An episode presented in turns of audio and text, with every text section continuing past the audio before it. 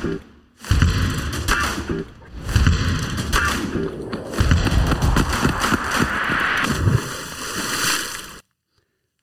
lytter til Idrettsforbundets podkast Idretten vil. Jeg heter Knut Harald Sommerfelt, og med meg, som vanlig, er Johan Konradsson. Hei. Og vi ønsker deg hjertelig velkommen, Torir Hergeirsson. Ja, tusen takk. Hvordan har du det? Jo, jeg har det ganske bra. Eh, Det er full fart, og jeg liker å jobbe, og jobbe med mennesker og prosesser. og det er full fart mot nye mesterskap. Nå har du vært trener for landslaget veldig lenge, men du gjorde vel noe annet innenfor idretten før du kom så langt? Nei, det begynte hjemme på Selfoss, et lite tettsted med lite idrettslag, eh, flere idrettslag. Ungmennafjellag Selfoss, som det heter. Fleridrett. Vi var veldig heldige som holdt på da, når jeg var barn og ungdom. Eh, Vi hadde samme treneren i håndball og fotball. Han var også kroppsøvingslæreren vår, så han hadde full kontroll på totalaktiviteten, noe som kanskje er større utfordring for idrettsungdom i dag. Og du er jo blitt eh, på en måte håndballteknisk opplært i Norge, men du har jo kanskje dratt med deg noe fra Island også, eh, siden du starta tidlig som trener? Ja, det kan du si. Altså, jeg har jo vokst opp med at uh, du har sjøl stort ansvar for å være med og bidra til at laget du spiller på, blir godt. Uh, vi blei tidlig utfordra, så jeg er veldig for involvere spillerne i forhold til det å bygge laget, og hva laget trenger. Men du kan si det som har vært kanskje hjørnesteinene i kvinnelandslaget i håndball, så har det handla mye om teamarbeid eh, i ulike former. Det har handla om involvering og medansvar.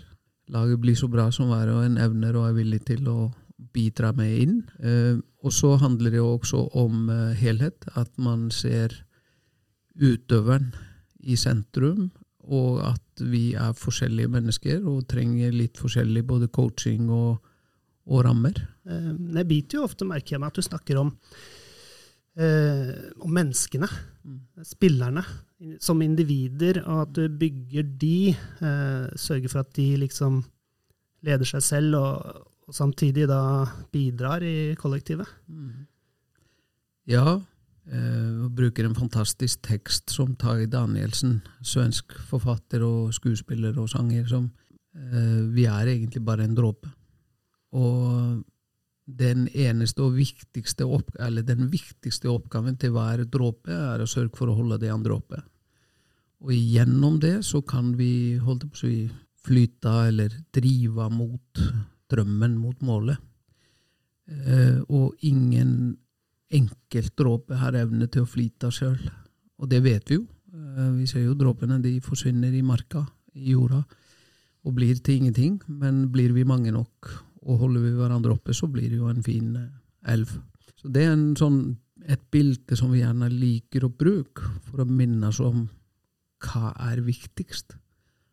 Det finnes mange idrettsmammaer og pappaer i norsk idrett som har ambisjoner for eh, barna sine. Av og til så kan det bli litt eh, som et ekstra trenerteam på sidelinja. Har du opplevd eh, det, eller? Altså ikke i toppidretten, men eh, breddeidretten? Ja, jøss. Jeg har jo sjøl vært eh, ungdomsspiller med ivrige foreldre på sidelinja. Ikke, ikke mine, da, men med noen ivrige pappaer. Eh, selv om det var noe mindre engasjement i den tid av foreldre. Og foreldrene er jo helt avgjørende for at den norske idrettsmodellen skal fungere. Men alt kan bli for mye eller for lite. Eh, det kan bli for mye engasjement og for mye for store ambisjoner og for høye krav og forventninger. Og, og så kan det òg bli for lite. Så, så, det er en gyllen middelvei å liksom prøve å finne en, en god uh, balanse på det. Men jeg har jo stått i det her. Jeg, jeg har hatt gleden av å faktisk trene mine egne unger i håndball, først og fremst, eh, mens jeg har vært i trenerteamet på landslag kvinner eh, i håndball. Og så har jeg kommet hjem fra samlinger med toppspillerne, og så har jeg dratt i Klepphallen og, og, og hatt treninger med 10-11-12-13-14-åringer. Det er fantastisk interessant å, å, oppleve liksom å gå fra det ene miljøet til det andre, hvor mye av grunntinga er helt likt. Det er idrettsglede, trivsel og mestring. Og Det er like viktig for håndballjentene som det er for de små ute i det ganske land når de kommer på trening. Og det er mange trenere som på en måte er så heldige at de opplever eh, barn og unges mestring. Vi har kommet til skråblikket, og som i forrige episode så har vi hanka inn et skråblikk for idretten. Denne gangen så har vi fått eh, Øystein Pettersen. Skråblikket. Dette syns jeg er viktig. Sånn frivillighet. Frivillighet. Det er ingens jobb. Det er derfor det heter frivillighet. Men det er alles ansvar. Vet du, alle påvirker. Enten du vil eller ikke. Det går ikke an å være nede på idrettsanlegget uten å ha en påvirkningskraft på de rundt deg. Og enten så trekker du de opp, eller så trekker du de ned. Og da må du velge da, hvem du har lyst til å være idet du trer inn på den matta. Hvis du setter deg som forelder ved siden av de frivillige, drar fram mobilen og sjekker Instagram, Facebook, Snapchat, TikTok, Twitter og alt annet faenskap, påvirker du gruppa di opp eller ned? Kulturen sitter i den energien og den dynamikken de folka som er der nede, skaper. Og det, med fare for å provosere igjen, da. Det er de folka som ikke har tid til å bidra, som sitter på siden og ser på telefonen sin. De er der, og de bruker jo en time der nede på telefonen sin eller på noe annet. Og så har de ikke tid til å bruke den timen sammen med ungene. Det er sånn, ok, ja ja, men uh, hvem er jeg til å dømme over det? Men vi koser oss med ungene dine, bare så du veit det.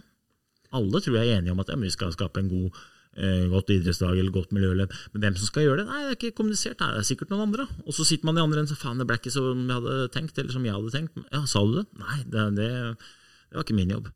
Syns du han er litt eh, krass, Torir? Ja, Øystein han pleier å si eh, snakke rett fra levra, og, og, ofte med glimt i øyet, på en fin måte. Og så har alltid all, alle sånne ting har både en oppside og en nedside. Fordeler og ulemper. Så det er nok, uh, vi er nok i en fase hvor vi gjør litt eksperimentvirksomhet på barn og ungdom, uh, og voksne. Og så vil vi forhåpentligvis lære noe på veien. men det, det, han er innom der, det er det vi jo kaller, kaller, kaller å være til stede. Altså tilstedeværelse. Men vi har jo de andre enn nå, da. De som er overengasjerte. Ja. Og de som er litt over the top, eh, nesten tar over på sidelinja. Det er noen ganger klokt å lytte til de små.